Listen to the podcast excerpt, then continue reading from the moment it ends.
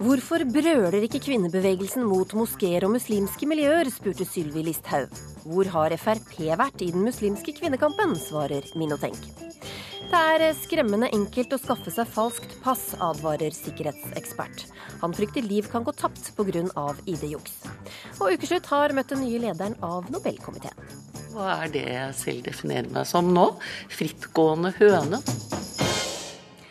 Dette er Ukeslutt med Linn Beate Gabrielsen, hvor vi selvsagt også skal gi deg siste nytt om eh, Norwegian-streiken. Nå en eh, nyhetsoppdatering ved Kari Bekken Larsen. Svensk politi bekrefter at de tre personene som ble funnet døde i Uddevalla, er drept. De tre ble funnet av en jogger ved sjutida i morges. Aftonbladet skriver at de tre er skutt, men det vil ikke politiet bekrefte.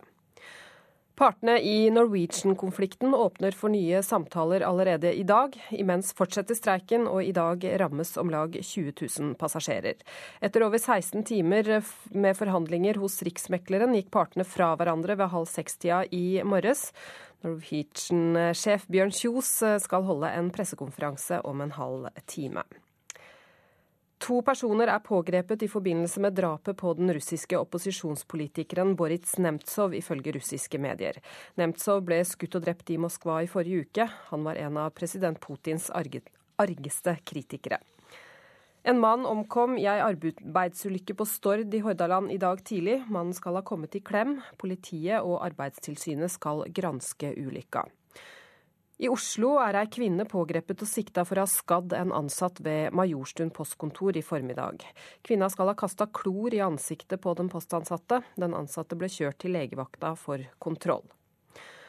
For første gang skal alle pasienter som får hjertestans i Norge granskes. I Sverige har dette blitt gjort i 25 år, men personvernhensyn har gjort at dette først nå kommer på plass her i landet. Hvert år får opp mot 3000 nordmenn hjertestans. Og Bergensbanen er nå stengt for eh, togtrafikk ved Ustaoset fordi kjøreledningen har falt ned. Togene snur inntil videre på Ål og Haugastøl, og NSB setter opp buss forbi Ustaoset. Det var nyhetene. Denne uka har eh, Bjørn Kjos hatt mareritt om natta fordi passasjerene hans ikke får fly. Mens eh, Norwegian-pilotene mener Kjos har satt en pistol mot tenninga deres. Og i dag fortsetter altså streiken på åttende dagen. Her er ukeslutts oppsummering. Selskapet er i en svært alvorlig situasjon, sier Norwegian-sjef Bjørn Kjos. Titusener er råka av streiken. Koffertene er klare, men flydur blir byttet ut med lyden av nattbussen. Veldig irriterende. Og veldig mye venting. Og veldig dårlig oppfølging og forklaring på hva som skjer. Selskapet blør. Over 100 000 kunder har vært berørt så langt. Vi er inne i den syvende døgnet nå, snart med streik, og dette kan ikke vedvare lenger. Dette er virkelig titanenes kamp i lufta. Det er den mest dramatiske konflikten jeg kan komme på på lang, lang tid. Nå er nok nok, nå må de komme til forhandlingsbordet. Nei, Vi registrerer at eh, sånn sett uh, hardner til i denne konflikten. Hello, Nei, det er ikke streikebryteri. Kom inn. Zero, zero, five, five, Hvis du uh, blir plassert en pistol mot tinninga og beskjed om å skrive under her uh, uten mulighet for å forhandle på vilkårene, så blir det vanskelig å praktisere det på noen annen måte. Det er klart at Når du rammes av en streik, så er jo det helt forferdelig. Jeg ville gjerne stått her og snakket sammen med Kjos, og det var ikke vi som ikke ville det. Ja, altså jeg vil, eh, det, er, det er jo helt forferdelig. Jeg har jo mareritt om natta jeg, når 100 000 passasjerer ikke kommer frem.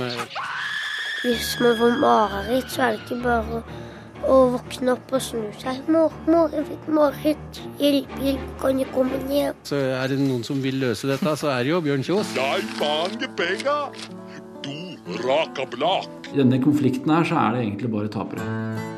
Vårt hovedfokus nå, vi skal ta hånd om passasjerene. Det er de vi lever av.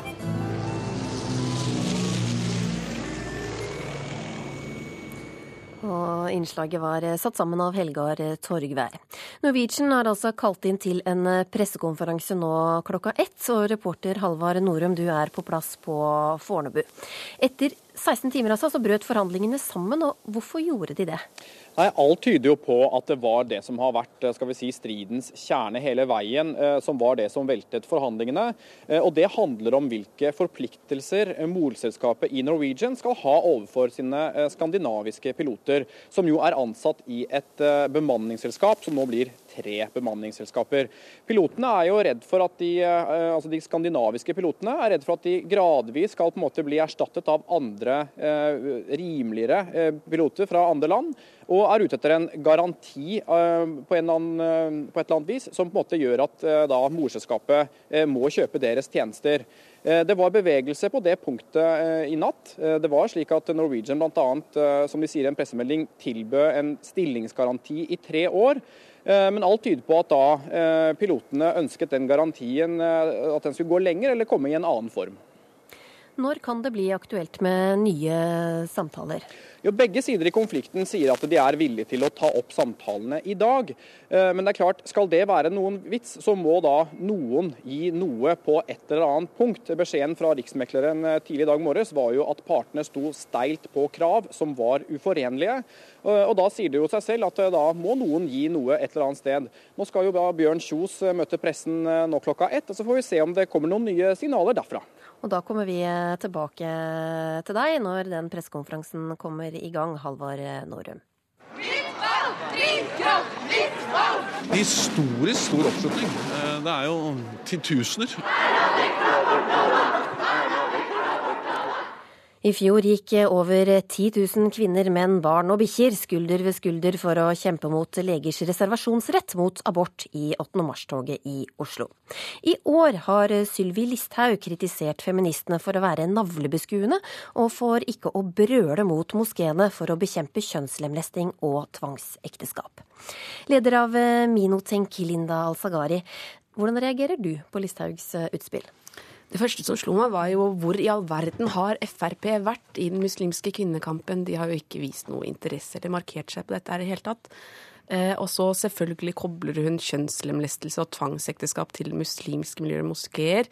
Det er jo også veldig kunnskapsløst. Vi vet at dette her er kulturelle fenomener som finner sted på tvers av både etniske grupper og religiøs tilhørighet.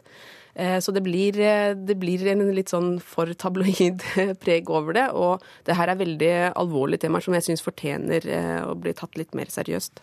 Men er ikke moskeen en arena hvor disse problemstillingene kunne vært tatt tak i? Og det har de jo blitt. ikke sant? Det er dette her som blir litt dumt. For dette her er ting som har fått veldig mye oppmerksomhet både i den norske offentligheten, innad i forskjellige minoritets- og innvandrerorganisasjoner. Eh, moskeene har eh, vært veldig aktive der hvor, altså de moskeene hvor det er relevant. Dette her er jo knyttet til noen grupper. I andre grupper så er det jo ikke kjønnslemlestelse og tvangsekteskap et, eh, en utfordring i det hele tatt. Der er det kanskje andre ting som man må jobbe med. Sylvi Listhaug, i denne anledning så er du leder av FrPs kunnskaps- og familieutvalg. Driver du og sammenblander her? Det er helt feil at Fremskrittspartiet aldri har stått opp i kvinnekampen som muslimske jenter har ført. En av de sakene som har engasjert meg sterkest etter jeg starta i politikken på slutten av 90-tallet, er, eh, kampen mot tvangsekteskap og kjønnslemlestelse. Og Bakgrunnen for det sterke engasjementet var at jeg traff ei av de jentene som sto fram veldig tidlig, og som fortalte om sitt liv. Og Det som slo meg når hun fortalte, det var at når jeg bodde på Vestlandet og ble konfirmert, levde i trygge omgivelser med en familie som eh, tok godt vare på meg, da ble hun tvangsgifta eh, langt et annet sted i verden med en mann som hun ikke ønska å gifte seg med. Når jeg var russ og hadde det gøy sammen med mine eh, medelever, da fødte hun et barn eh, som hun fikk med denne mannen som hun ikke ville eh, gifte seg med. Det var det som var starten på mitt engasjement i denne kampen her. Og derfor så blir jeg rett og slett trist når jeg hører Mino Tenk komme med sånne påstander. Men nå sitter du i, i regjering. Hvilket arbeid gjøres der? Ja, I regjeringa gjøres det et eh, stort stykke arbeid mot eh, tvangsekteskap og kjønnslemlestelse. For det dette her dreier seg om, det er jo de jentene i Norge som ikke får lov til å leve et liv som de ønsker, som ikke har samme muligheter som oss. Men hva gjøres? Men Ja, det er jo uh, mange tiltak som går på å hjelpe de som, uh, som melder ifra. F.eks. se å styrke bo- og støttetilbudet til de jentene som ønsker å komme seg ut. Men mitt poeng er altså at jeg syns kvinnebevegelsen i Norge driver en veldig egoistisk kamp for rettigheter for kvinner som i dag har like muligheter som menn. Mens vi burde være solidarisk med alle de som blir utsatt for tvangsekteskap og kjønnslemlestelse. Både i Norge, men også internasjonalt. Og vi vet altså at 125 millioner jenter ifølge Unicef blir utsatt for kjønnslemlestelse. Og da syns jeg at Minotenk heller burde løfte fram deg enn å angripe meg. Har Listhaug rett i at kvinnebevegelsen i Norge ikke er solidarisk med minoritetsbefolkningen? Det har hun selvfølgelig ikke. Hadde det ikke vært for kvinnebevegelsen, så hadde vi ikke vært der vi er i dag. Og det er jo de som er med og drar eh, lasset eh, hver eneste dag, ikke bare med populistiske utspill i forbindelse med kvinnedagen 8. mars. Og det er jo selvfølgelig heller ikke noe hun kan Altså Listhaug har jo ikke noen konkrete eh, tiltak som regjering, denne nye regjeringen har kommet med for å intensivere arbeidet mot tvangsekteskap og kjønnslemlestelse. Så hva må gjøres, mener du? Hva burde de gjøre? Eh, kjønnslemlestelse i Norge er heldigvis et, eh, et, ytterst marginalt problem. Eh, vi har så å si ingen dokumenterte tilfeller av det. Sosial kontroll, tvangsekteskap og æresrelaterte utfordringer, det er et, et stort problem som absolutt bør intensiveres eh, arbeidet mot. Og Der oppfordrer jeg absolutt Frp til å Nå som dere er i regjering, så er det jo masse dere kan gjøre med det. Ja, og det skal vi gjøre. Eh, Solveig Horne jobber med en handlingsplan mot kjønnslemlestelse og tvangsekteskap. Og der er det, Hvis dere har noen gode forslag der, så er det helt sikkert muligheter for å spille inn. Men kjønnslemlestelse er, er ikke noe stort eh, problem her i Norge, sier Al-Sagari. Kaster du deg bare på krisesaker, som hun uttrykker det? Nei, det er jo typisk typisk eh, å feie disse tingene under teppet. Det vi vet, er at det bor 35 000 kvinner i Norge som kommer fra land der dette er en vanlig skikk. Vi har ingen fullstendig oversikt over hvor utbredt dette her er i Norge. Eh, og det er all grunn til å tro at det finnes. Og det er det vel for så vidt også funnet eh, tilfeller som har dokumentert. Men det som er kommet fram i dag, er jo også veldig interessant. fordi at det, her er det jo flere jenter som faktisk er forkjempere i denne kampen. Det viktigste viktigste til å tale budskapet til disse jentene, er jo de som kommer fra disse miljøene eh, sjøl, og som står opp mot tvangsekteskap, kjønnslemlestelse og skikker, som gjør at disse jentene ikke har samme muligheter. Og Det er utrolig viktig at vi som samfunn ivaretar deres ytringsfrihet, for de er også utrolig viktige i den kampen som føres eh, nå. Altså, Gari, du skal få svare. Eh, ja, I januar så var Min og Tenk med å lage et innhold på en stor nordisk ungdomskonferanse med ungdommer med minoritetsbakgrunn fra hele Norden. Eh, det var i samarbeid med Det var IMDi som hadde initiert dette. Og eh, torsdag så ble deres budskap, ungdommens budskap presentert for BLD. Det tok bl.a. da ikke eh, Solveig Horne seg tid til å være med på. Jeg tenker det at Hvis man skal ha troverdighet eh, når man kommer med sånne utspill, så må man eh, synliggjøre seg selv. Det er greit at man har personlige erfaringer og har en personlig sympati med folk man kjenner, men når man er i politikken, så må man jo synliggjøre seg. Da har man jo uendelig, til, altså uendelig tilgang til mediene. Man har mulighet til å knytte seg opp mot organisasjoner og enkeltpersoner som tar denne kampen hun. Og i, i Listhaugs kronikk så nevner jo hun en kanadisk feminist, hun nevner jo ikke norske feminister.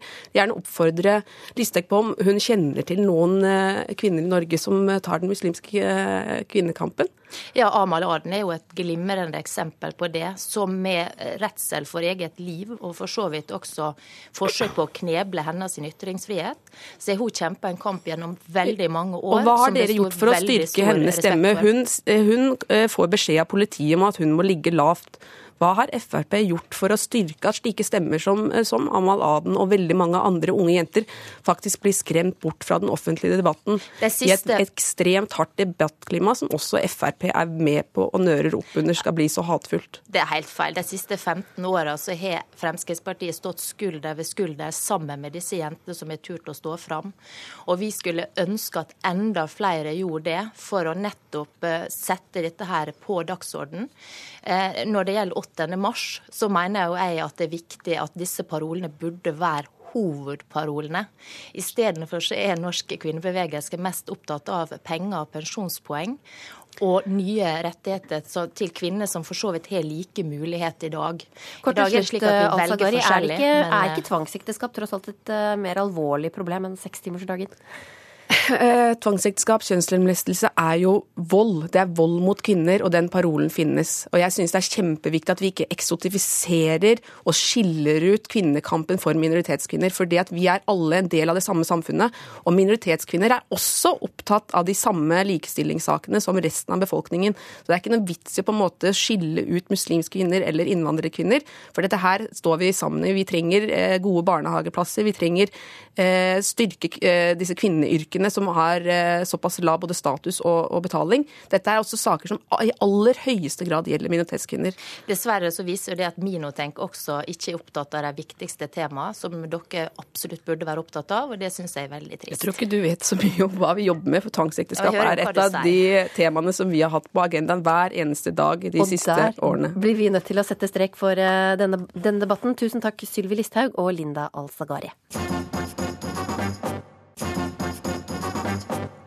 Det er skremmende enkelt å skaffe seg et falskt pass. Det sier sikkerhetsansvarlig Kjell Ola Kleiven, som ved hjelp av noen tastetrykk laget seg en helt ny identitet.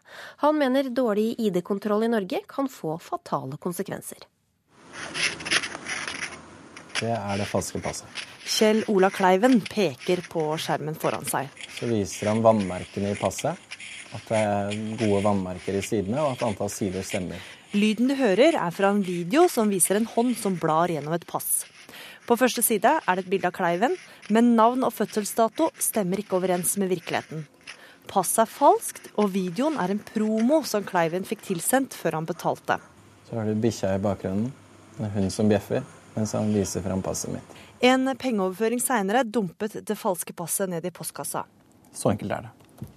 Kleiven jobber som direktør i sikkerhetsselskapet Risk Information Group, og gjorde et eksperiment for en kunde.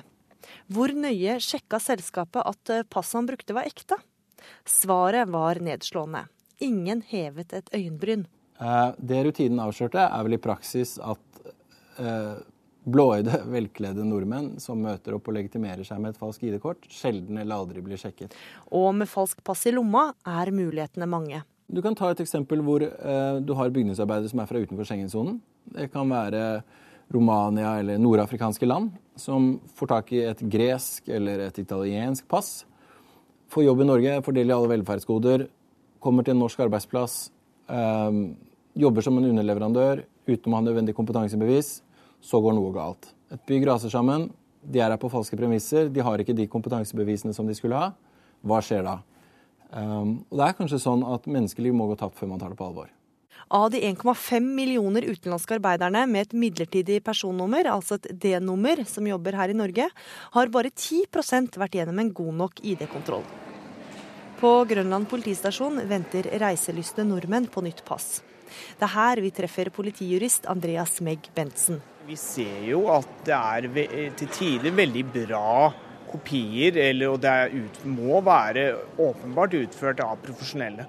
Han jobber ved finans- og miljøkrimseksjonen ved Oslo politidistrikt.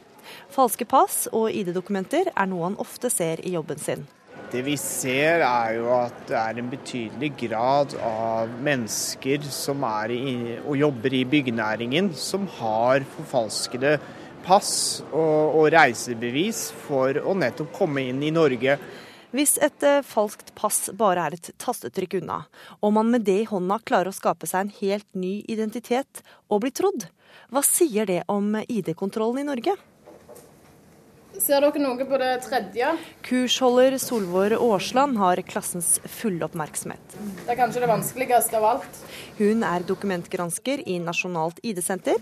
Og i dag er de som sitter bøyd over bordene med lupe og pass i hendene, politifolk fra Trøndelag politidistrikt. Ja.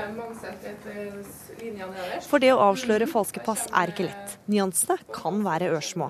Det er en enormt stor forskjell i forfalskningene. Noen kan være bare kopiert, eh, det er et kopiert dokument. Eh, og så har du andre som er mer forseggjort, at de enten at de har endret en del detaljer, så selve dokumentet ser ekte ut, men det er en del detaljer som ikke er sånn som vi forventer i et ekte dokument. Falske ID-papirer er et økende problem i Norge, og mørketallene er store. Og når selv politifolk sliter Det er tydelig at det ikke er et fokusområde på i utdanningen til politiet f.eks. med å se på dokument. Hva da med de andre instansene som også skal kontrollere at en person virkelig er den han eller hun utgir seg for å være? Etatene sjøl, ikke bare politiet, men utlendingsforvaltningen som et hele, ser at det er et behov for et kunnskapsløft når det kommer til ID-arbeid. Det sier seniorrådgiver i Nasjonalt ID-senter, Hanne Tanvik Svendsen. Det eh, man frykter, er jo at eh, det kan medføre ulykker. Enten under utførelse av arbeid eller i etterkant at bygninger eller infrastrukturer eller annet rett og slett ikke er utført godt nok. Bygg og anlegg er jo en bransje som ofte får gjennomgå. Men det er klart at i helsesektoren f.eks., hvis du der møter opp med falske skolepapirer, gjerne fra en anerkjent skole i utlandet, og klarer å karre til deg en legestilling eller en sykepleierstilling eller lignende, så kan jo menneskelivet gå tapt rent direkte. Det er ikke engang et bygg som behøver å rase sammen. Det holder at du har en eh, dag på jobben der du eh, blir satt i en situasjon som du ikke er i stand til å håndtere fordi du ikke har ekte papirer. Samtidig blir de falske dokumentene stadig bedre. Og selskapene som selger dem, er profesjonelle. De lager reklamevideoer hvor du får bilde av passet ditt. Eh, og de eh, har eh, markedsmateriell som tilsier at dette er big, big business. Eh, og betalingene skjer gjerne via betalingsinstitusjoner som har dårlige rutiner på sjekk av hvor pengene går. Kleiven stikker et prøvepass inn i en bærbar maskin som leser av alle data. Der kommer bildet fra chipen. Det var bare den som avslørte det falske passet. Med mitt falske så ville man ikke kunne tatt det med det blotte øyet. Det hadde ikke vært mulig. I Norge så er det egentlig ikke så mange som tar denne problemstillingen på alvor. Det tror jeg er litt av alvoret. Det er at Politikerne forstår ikke hvor lett det er. Og myndighetene har inntil nylig trodd at dette er noe som ikke skjer. At i Norge så er det så trygt og godt, for vi er så langt nord, at her forekommer ikke sånt. Um, det vi ser, er umiddelbart at dette blir mer og mer vanlig, og hele bransjer opplever mafiatilstander som følge av at man har arbeidere med falske kompetansepapirer og falske identiteter som hever lønn og mottar penger på norsk jord. Og det blir eh, mer om denne saken i Lørdagsrevyen i kveld. Reporter var Gry Veiby. Og alle P1-lyttere som vil høre videre på ukeslutt og få med seg pressekonferansen til Bjørn Kjos, må nå stille radioen inn på P2, for i P1 blir det nå veldig snart VM i skiskyting. Elevene ønsker seg læreraudition. De har ikke kunnskap nok til å vurdere lærerne, svarer lærer. Og pedofile står tiltalt for overgrep mot spedbarn. Omfanget av overgrep mot babyer er skremmende, sier Kripos. Hva om alle lærere måtte gjennom en audition for å få jobb? Hei! Hei. Hei, Hva heter du? Eh, Mona Nilsen heter jeg. Hei. Hva skal du gjøre for oss i dag?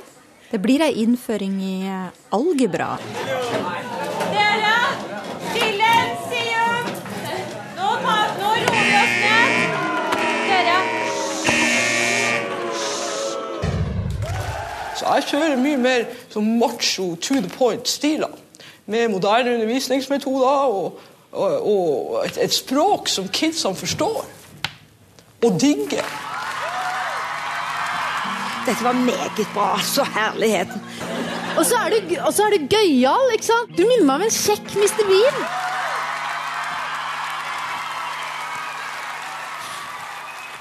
Kanskje ikke akkurat som på Norske Talenter, men dere i Elevorganisasjonen mener faktisk at eh, lærerne bør på audition. Nyvalgt leder Kristoffer Hansen.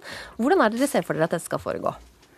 Nei, Vi ser for oss at uh, rektor han skal ta få inn masse søknader. ikke sant? Og Så skal han finne ut hvem, hvilken lærer er det som er kvalifisert for å ta den klassen her. Hvem er det som har de rette, de rette anbefalingene osv. Så, videre. så vil man kanskje ende opp med en to-tre ulike lærere. Kjører man dem inn i klasserom foran elevene, og så lar man dem vise hva de er gode for. Og så kan elevene komme med tilbakemelding på hvem som er best, hvordan de foretrekker å ha læreren sin. Og så kan det være en del av avgjørelsen som gjør at rektor kan ansette den ene over den andre. Åge Hvitstein, du er lærer på Sandefjord videregående skole. Ja. Hva syns du om å la lærerne gå gjennom en slik audition? Jeg syns det blir eh, veldig spesielt. fordi eh, her blir det snakk om å vurdere en relasjon. Fordi elevene har ingen grunnlag til å vurdere de faglige forutsetningene, grunnlaget for hvordan læreren gjør eh, det han gjør. Og da blir det nettopp at man vurderer hvordan læreren er. Og da syns jeg innslaget deres i starten her er i og for seg ganske relevant. Da blir det hvor kjekk og grei, hvor eh, kul læreren er. Er det noe sko norske skolen ikke trenger, så er det nettopp dette. Jeg må nesten minne Hansen på at eh, læreryrket, spesielt i videregående, er en seksårsprofesjon. Og da har man både praksis og faglig tyngde og alt dette som man blir eh, utdannet i. Det er det som må telle. Og på det nivået vi er her når vi snakker om ansettelser, så må det være arbeidsgiver som har ansvaret for ansettelser, på lik linje med alle andre yrker. Hansen, hvorfor skal vi stole på elevenes motiver når de velger ut lærere? Er de kvalifisert? Ja, selvsagt er de kvalifisert. Det er jo de som vet best. Det er jo de som sitter i klasserommet hver dag. Det er jo de som vet hvordan de lærer best. Og jeg, jeg tror vitsen har misforstått litt her. For det er jo sånn at, det er ikke sånn at du skal sende hvem som helst. Du skal ikke ta folk fra gata og sende inn på læreraudition. Nei, det her skal jo være de få som rektor ser har alle de faglige kvalifikasjonene. Og det er jo helt riktig som man sier at der vet kanskje rektor best på hvem som har de beste faglige kvalifikasjonene. Men så er det denne medmenneskeligheten, disse relasjonene mellom elev og lærer, som er så essensiell for å få til god læring. Der er jo elevens stemme veldig viktig. Men i denne prøveforelesningen eller prøvetimen så er det de faglige, de, fa de faglige valgene, læringstrykk og alt dette, det er det som er, blir det viktigste. Og da blir det ikke kun relasjon. Og elevene har ingen forutsetninger for å vurdere hvilke valg læreren tar osv. Og, så og vi snakker her om elever ned i 12-13 års alder, for dette skal også gjelde ungdomsskolen. Og det tror jeg er å, leve, å gjøre elevene en gedigen bjørnetjeneste. Hvorfor er dette nødvendig, Hansen? Altså, Lærerne har jo vært gjennom en utdannelse om praksis? Ja, de har det, men så er det sånn at enkelte klasser trenger ulike lærere. Og jeg tror at det vil være en veldig bra ting dersom en enkelt klasse kan bestemme, eller være med å bestemme hvilken lærer de skal få. Og Hvitsten peker til innslaget innledningsvis her, og jeg syns det var kjempeartig. Og jeg tror at hvis en lærer snakker språk som kidsa forstår, som det refererer til, så er det en, en, fordel. Det er en forutsetning for god læring at, at læreren klarer å se sine elever. Og rektoren på Sandvika videregående, som har, faktisk har brukt audition da, ved ansettelse, sier at de har luket ut en søker som viste seg å ikke ikke fungerer nettopp eh, på audition. Viser ikke det at dette kan ha en hensikt, Hvitstein? Jo, eh, absolutt. Og jeg er veldig tilhenger av å ha prøvetimer eh, før man ansetter lærere. Det, der tror jeg man kan gjøre en mye bedre jobb enn det, det, man gjør i dag. Men da må det være profesjonen, det må være fagfolk som vurderer den enkelte læreren. I tillegg så er jeg opptatt av å si at lærere, på lik linje med mange andre, de anses på seks måneders prøvetid. Da er perioden for å virkelig følge opp og se hvordan læreren fungerer. Jeg må nesten nesten bare minne om at dette er en profesjonsutdanning. Det er ingen andre yrker som har eh, at pasienter ansetter leger osv. Eh, det er å, å dra skolen i helt feil retning. Det blir fokus kun på hvordan læreren er, hvor snill og grei læreren er, og ikke på det faglige. Vi må men, for men, all del ikke bevege oss den veien der. Kan jeg spørre om ting? Du sier seks måneders prøvetid. Skal det være sånn da at La oss si at du har en lærer i ja. fire måneder. Mm. Elevene er ikke fornøyd, de vil ha en ny lærer. Skal mm. da læreren ut? Nei, da skal ledelsen, rektor, fagfolk skal inn og følge opp eh, denne, denne prøvetiden hele tiden. Så elever, elevene har ingenting de skal ha sagt? Elevene skal selvsagt komme med tilbakemeldinger, men når vi snakker om ansettelser av lærere, så må det ligge på arbeidsgivernivå. Det er fag, eh, fagfolkene, det er profesjonen, som har forutsetningene for å vurdere dette her. Jeg er helt med på at elever skal være med og komme med innspill, men å ansette av lærere, det må høre hjemme på arbeidsgivernivå også. Det kunne være fristende å, å spørre Hansen om han har tenkt gjennom hva som skjer derfor det skulle bli arbeidsrettssaker av dette her. La oss si en, en lærer som ansettes, eh, klager, og, og, og Elevorganisasjonen blir trukket inn i dette her. Har du tenkt på det, Hansen? Ja, selvsagt tenkt på det. og Derfor sier vi at det er jo ikke elevene som skal ansette læreren. Det, Nei, det er rektor som skal gjøre. Jeg sier bare at elevene skal få lov til å si sin mening. Jeg sier at elevene skal få lov til å si til rektor, at du den læreren her likte vi kjempegodt, for at de klarte å legge frem vanskelige fagkunnskaper på en lettfattelig måte. Så skal rektor tenke hm, det hadde ikke jeg sett, fordi jeg er ikke elev som sitter i klasserommet hver eneste dag. Og så blir det kanskje da den aller beste læreren som blir ansatt for den klassen. Og det er alt vi foreslår. Ikke at det er eleven som skal signere på papiret. Eleven skal bare få lov til å si sin mening. Men, legge, men legge frem eh, faglige ting på en grei måte. Faglige ting som eleven ikke har noen forutsetninger for å mene noe om. Eh, det er jo helt absurd. Eh, og I tillegg så er det sånn at eh, når man ansetter lærere, så gjør man det ut fra visse skikkethetsvurderinger. Og lærere har vært gjennom praksis, de har vært med lang utdanning. Ingen elever som er, med i denne, i denne posisjonen her. Men Hvitstein, elevene har jo noen eh, års skolegang på baken da, og, og kunnet vurdere en, en del lærere opp igjennom? Det, det, det kan de helt sikkert gjøre, men de har ingen forutsetning for å vurdere de faglige tingene her. Det blir litt flåste sagt, som jeg pleier å si, at jeg ser på været hver eneste dag, men jeg er ikke noen meteorolog, jeg kan ikke melde været. Det blir litt på samme nivå vi snakker om nå, altså. Da fikk det bli siste ord i denne debatten. Tusen takk, Kristoffer Hansen og Åge Lindstein. I Drammen er eh, fem personer tiltalt i det som regnes som en av de groveste overgrepssakene som er ført for norsk rett. En av de tiltalte har erkjent voldtekt av sin to måneder gamle baby. Margrethe Wide Aasland, du er spesialist i sexologisk rådgivning ved Institutt for klinisk sexologi og terapi. Hvordan kan slikt skje? Ja, det, Heldigvis så syns de fleste av oss at det er nesten helt uvirkelig, helt uforståelig at det kan skje. Ehm, det skjer, og det skjer eh, oftere enn eh, de sakene som er i retten. Vi som har jobbet med denne problematikken i mange år, vet at dette er ikke den eneste. Det er ikke en enestående sak. Ehm, og hvordan det kan skje, er vel litt vanskelig å svare på hvordan det kan skje, men det skjer.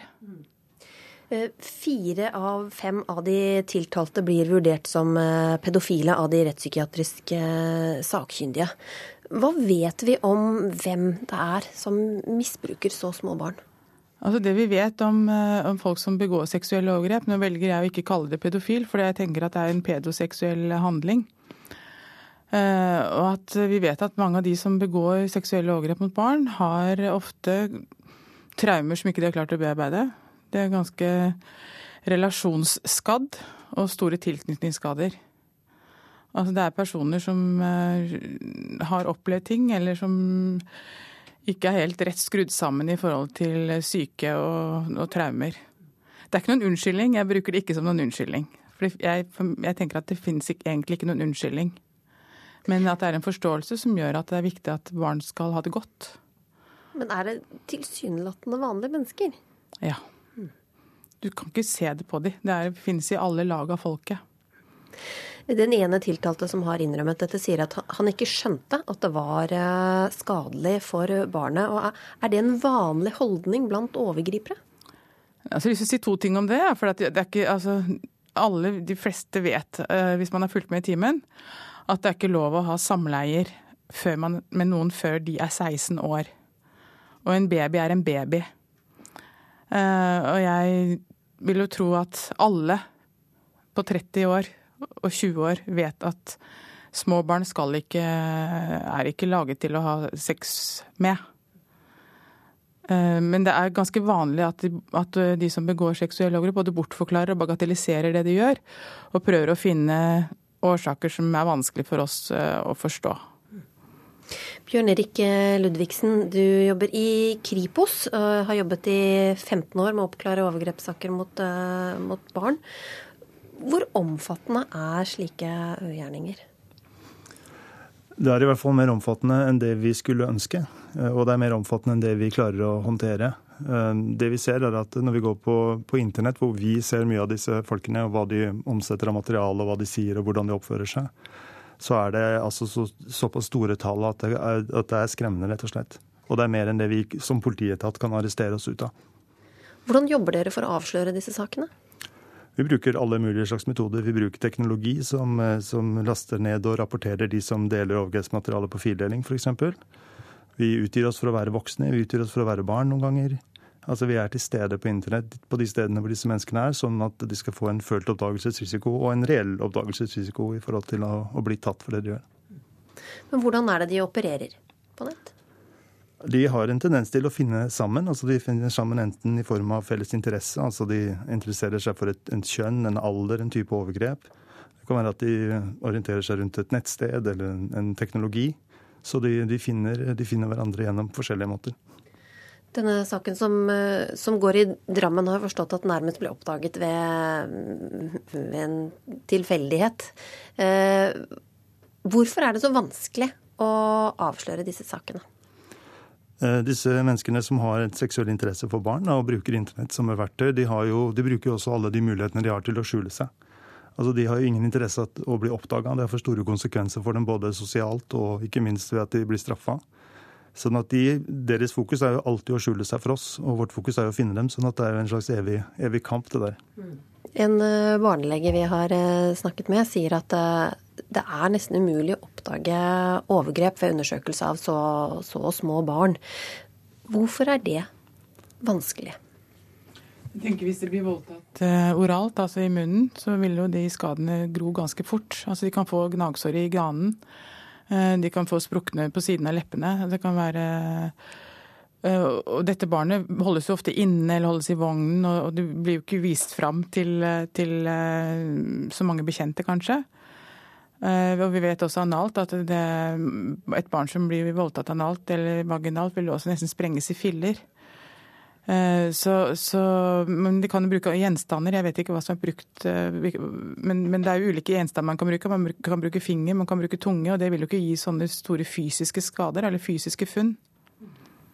Men hva slags konsekvenser får dette for, eh, for disse barna? Avhengig av altså, volden i disse overgrepene, altså med penetrering, da. Eller om det er slikking, eller om det er at noen står og onanerer på magen til babyen eller fjeset dens så er det klart at det, det vil jo være tydelige tegn eller større tegn. Det kan være smertefullt, det trenger ikke være så smertefullt. Men det er klart at det, en, en, sånn vold, en sånn smerte, vil jo sette seg i, Vi vet at den setter seg i bindevev i cellene til dette lille barnet. Til babyen. Dette er skikkelig vondt å, vondt å høre. Ja. Men hvordan, hvordan eh, klarer du å jobbe med dette? Du er jo også nødt til å se mye overgrepsmateriale. Hvordan eh, ja, vi ser mye overgrepsmateriale. Det, det, er uhorvelige mengder med overgrepsmateriale som, som, flyter rundt på internett og på datamaskiner i de tusen hjem. Eh, og For oss så er jo et bilde ikke bare et bilde, og vi er ikke så glad i tall, altså telle 10 000, 100 000. For oss er dette bilder av mennesker som vi har en, en plikt til å forsøke å finne, slik at vi kan stanse disse overgrepene. Så vi ser på dette som bevis i straffesak, enten en tidligere, en nåværende eller en fremtidig straffesak, og så håndterer vi det deretter. Som politiet ellers så må vi holde en viss avstand til det vi driver med. Altså Hvis vi empatisk skal gå inn i eneste, hver eneste skjebne, så, så, så, tror jeg ikke det er sunt kanskje i lengden. Så at vi forholder oss til informasjon som vi finner i bildene, enten eh, på bildet i seg sjøl eller teknisk i forhold til hvor bildet har bevega seg over internett. Og så forsøker vi å bruke den informasjonen til å finne tilbake til disse ungene eh, og stanse overgrepene mot dem. Og hvor organisert eh, er dette? Det er begge deler. Jeg tror man har små grupper med, med folk som organiserer seg, som har en felles interesse, og, og, noen ganger også kjenner hverandre i det virkelige liv. Eh, men den store hopen av disse menneskene som holder på med dette, kjenner antagelig ikke hverandre. De samles heller om en felles teknologi eller et felles nettsted. Men er det noe vi vanlige folk kan, kan gjøre? Altså, hvis jeg kan si noe om det. Det, det, det er mye, alltid mye snakk om internett og kommunikasjon og filer som blir sendt over, over nett osv. Men det man ikke må glemme, er at de aller fleste seksualovergrep skjer hjemme hos noen. Der hvor barnet bor, eller der hvor barnet har adgang, eller der hvor voksne har adgang til barnet. Så det, man skal ikke slutte å, å følge med verken i nabolaget eller hvor det måtte være i forhold til disse ungene, for det er jo ekte barn som bor et eller annet sted, dette her. Eh, og vi, som, vi andre som voksne skylder dem å forsøke å finne dem. Vi skal eh, tilbake til pressekonferansen til Norwegian. Der har det akkurat blitt kjent at eh, Parat har invitert Norwegian til nye samtaler klokka 15 i dag. Og hva sier Norwegian til det, reporter Halvard Norum? Uh, altså Bjørn uh, Kjos, Norwegian-sjefen, uh, sa ikke noe konkret om akkurat den invitasjonen nå, men det han gjentok var at han beklaget nok en gang den situasjonen som har oppstått. han sier at det er 130 000 passasjerer som nå er, som nå er berørt. Eh, han sier at eh, Norwegian strakk seg langt i eh, forhandlingene som brøt sammen i dag morges, men at årsaken til sammenbruddet hadde mye sammenheng med en situasjon, slik han beskriver det, med for mange norske piloter. Når det skar seg i går, så var det fordi at de i tillegg til de pilotene Og dette tilbudet gikk til alle pilotene som er ansatt i Skandinavia. Når det skar seg i går, så var det fordi Parat og NPU krevet eh, 110 årsverk mer enn det vi flyr i dag. Eh, Og gudene vet hvor vi skulle satt de hen. Eh, Vi er jo for mange allerede i dag, eh, så det var en, en helt umulig, et umulig krav som vi ikke kunne gå med på. Så jeg beklager på det sterkeste at eh, vi har, vi, eh, vi har eh, den eh, situasjonen som vi har i dag, og som strander eh, masse passasjerer. Partene brøt jo meklingen i morgentimen i dag etter en eh, veldig lang eh, natt. Ser det ut til at Bjørn Kjos har fått eh, samlet eh, nye krefter? Vel, det han sier eh, på direkte spørsmål, er at det tilbudet som Norwegian ga til pilotene, eh, ikke er et take it or leave it-tilbud. Eh, så med det så hinter han jo om at, at selskapet kanskje har mer å gi. Men det han er ganske sånn kategorisk på å avvise, det er å gi en garanti for at f.eks. skandinaviske piloter skal fly alle fly som går til og fra Skandinavia. Eh, til det, det mener han er altfor urimelig, og, og, sier, og viser f.eks. til at et fly som eh, hovedsakelig fly mellom eh, London og, og New York, hvis det tilfeldigvis er innom Oslo en gang, så skal ikke det han være forpliktet til å bruke en norsk pilot. Så det er tydelig at han på den ene siden åpner for å gi kanskje bitte litt mer på noe, eh, men samtidig er eh, også avvisende på enkelte områder. Da sier vi tusen takk til deg, reporter Halvard Norum, som har vært til stede på pressekonferansen til Norwegian ute på Fornebu. The Norwegian Nobel Committee has decided that the Nobel Peace Prize for 2009 is to be awarded to President Barack Obama for his extraordinary efforts to strengthen international diplomacy and cooperation between peoples. Denne uka ble altså Torbjørn Jagland litt eh, overraskende degradert fra leder til vanlig medlem av Nobelkomiteen. Noe som førte til at politisk rådgiver i Kunnskapsdepartementet, Magnus Thue, skrev 'Klovnen ut av komiteen, gudskjelov' på Twitter. Da fikk Jaglands storesøster, Kari Jagland Berntsen, nok. syns det var et hva skal jeg si for noe, et veldig stygt ord å bruke. At man liksom personifiserer personen som en klovn. Det syns jeg var så utrolig stygt. Og når det kom derfra det kom, så må jeg si det gjorde virkelig noe med meg. Det er overhodet ikke greit. Eh, Og jeg har sagt flere ganger at voksne skal være gode forbilder for barn og unge på sosiale medier, og det gjelder ikke minst oss politikere. Så hvis man gjør det, gjør noe dumt, gjør noe ubehøvlet, noe uhøflig, noe som er sårende, så er det eneste riktige det er å beklage og legge seg flat og unnskylde. Ja, nå har eh, Magnus Thue da faktisk sendt blomster både til deg og til eh, Torbjørn Jagland og sier altså unnskyld. Er det godt nok for deg? Veldig mange sier unnskyld. Det gjør mitt lille barnebarn også. Sier unnskyld hele tiden. Dytter broren sin gang på gang. Ja, men det er et lite barn. Men Det Torbjørn Jagland er en Ja, voksen mann. Han bør være et forbilde, eller våre ledere bør være forbilder. Veldig mange, for veldig mange får det ingen konsekvenser hva de gjør. De kan bare si unnskyld og gå videre. Og inn i Nobelmanesjen trådde Kasi Kullmann Five fram som ny leder etter et superhemmelig valg. Men én karakteristisk ting manglet på den tidligere Høyre-politikeren. Hårspenna. Kommer den til å være på plass når døra til Nobelinstituttet åpnes og Five skal presentere årets nobelprisvinner? Så er dette da, er da den berømmelige døren. Det ser ikke så spennende ut, men den er litt mer pyntet på den siden som pressen ser. Det har nesten blitt en klisjé å snakke om en av verdens mest kjente dører, men det er vanskelig å la være.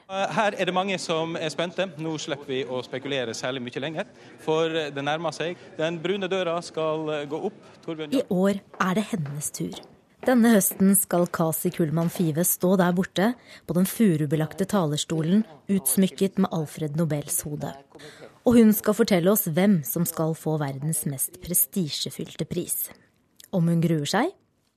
Nei, det, det vil i hvert fall være veldig dumt å gå og grue seg til det i mange måneder, selv om jeg vet at jeg ganske sikkert kommer til å ha sommerfugler i magen. Dette er komitérommet. Det er jo et eh, flott, eh, gammelt eh, møblement. Men det er ikke verdens beste stoler å sitte i, så vi har måttet utstyre oss med puter. For noen år siden så vi var mange damer i komiteen, så sa vi at vi, vi får så vondt i ryggen av å sitte her. Så der, da klarte Geir Lundestad å få utstyrt oss med noen løse puter, så vi holder ut lange komitémøter. Hvordan stemningen var da komitémedlemmene møttes her inne denne uken, kan vi bare gjette oss til. Hva som ble sagt her, det får vi ikke vite. Det vi vet, er at Nobelkomiteen aldri før har kastet en leder som ønsket å fortsette. Tirsdag skjedde det, da Torbjørn Jagland ble vraket. Hvorfor fikk han ikke lov til å fortsette? Ja, dette har jeg svart på tidligere, og det vet du. Jeg kan ikke referere fra diskusjonen i komiteen. Men hvorfor skal det være så hemmelig? Fordi Alfred Nobel har ønsket det slik. Kanskje får vi svaret på hva som egentlig skjedde en gang i framtiden. Jeg har sittet flere steder rundt dette bordet, for det er eh, litt tradisjoner på det. Men eh, nå sitter jeg da i den stolen på den ene kortsiden. Torbjørn Jagland kommer til å fortsette å sitte rundt dette bordet som komitémedlem. Hvordan tror hun det blir? Det tror jeg kommer til å gå aldeles utmerket. Men hvordan vil vi merke at vi har fått en ny Nobelkomitéleder? Og jeg har ikke tenkt å komme med rare hatter på hodet eller eh, andre ting når jeg skal annonsere prisvinnerne, hvis det var noe sånt noe du tenkte på. Nei. Men vi er jo selvfølgelig ulike personer, og det kan kanskje komme til å prege på en eller annen måte. Hva vet jeg. Men snakker du med familien din om jobben? Ikke om jobben i Nobelkomiteen. Overhodet ikke. Aldri, aldri noen ting. Det er sånn mannen min tar inn et brev som han skjønner er fra Nobelinstituttet. Så sier han herlighet, her er et brev fra Nobelinstituttet, ta det og lås det ned. Så vi er der. Five. Slik ble hele Norge kjent med henne. Høyre vil ikke presse folk inn i én spesiell arbeidsdeling. Som nyvalgt leder for Unge Høyre under en direktesendt debatt foran stortingsvalget i 1977. Ung, bestemt og velformulert. Med kongeblå kjole, lyseblå øyenskygge, bobfrisyre og en hårspenne som holdt det hele på plass. En spenne som etter hvert ble beskrevet som landets mest berømte hårspenne. 26-åringen imponerte. Det ble et sånn helt sånn pang gjennombrudd. Så da begynte folk å hilse på søsteren min på bussen og sånn, og trodde det var meg. og siden gikk det slag i slag. Inn på Stortinget. Handelsminister Karin Cecilie Kasi Gullmann Five. Og partiformann i Høyre. I 1997 sa hun ha det til politikken, og de siste årene har vi kjent henne som medlem i Nobelkomiteen. Hva er det jeg selv definerer meg som nå? Frittgående høne, når folk spør hva jeg driver med? En frittgående høne som store deler av tiden har hatt en hårspenne på. Nå er den vekk. Hva har skjedd? Jeg har vært gjennom trekvart år med behandling for brystkreft. Og da var det ikke noe særlig hår å sette spennende i et uh, halvt års tid. Uh, nå er jeg ferdigbehandlet. Og heldigvis så er da hårveksten tilbake igjen. Så det har gitt meg ny frisyre. Så for å si det helt kort, det måtte brystkreft til for å få meg til å slutte med hårspenn. Men nå må jeg gå, for nå skal jeg hente barnebarn på skolen. Så. Før hun må løpe av gårde for å hente barnebarn, våger jeg endelig å spørre. I vesken har jeg en hvit hårspenne. Kan hun vise meg hvordan jeg skal feste den til min nyklipte bobfrisyre? Det vil hun ikke gå med på. Hårspennene er hun ferdig med. De er lagt bort, og de er lagt langt bort for tiden. Så jeg har vel kanskje stort sett da fratatt eh, journalister et spørsmål for årene fremover. Reporter på Nobelinstituttet var Rima Iraki. Og da er ukeslutt i mål. Ansvarlig for eh, sendinga var Elisabeth Onsum. Teknisk ansvarlig Hanne Lundås. Skript Lars Christian Rød. Og i studio Linn Beate Gabrielsen. Og titt gjerne innom oss på Twitter og Facebook, hvor vi er en del av NRK Debatt.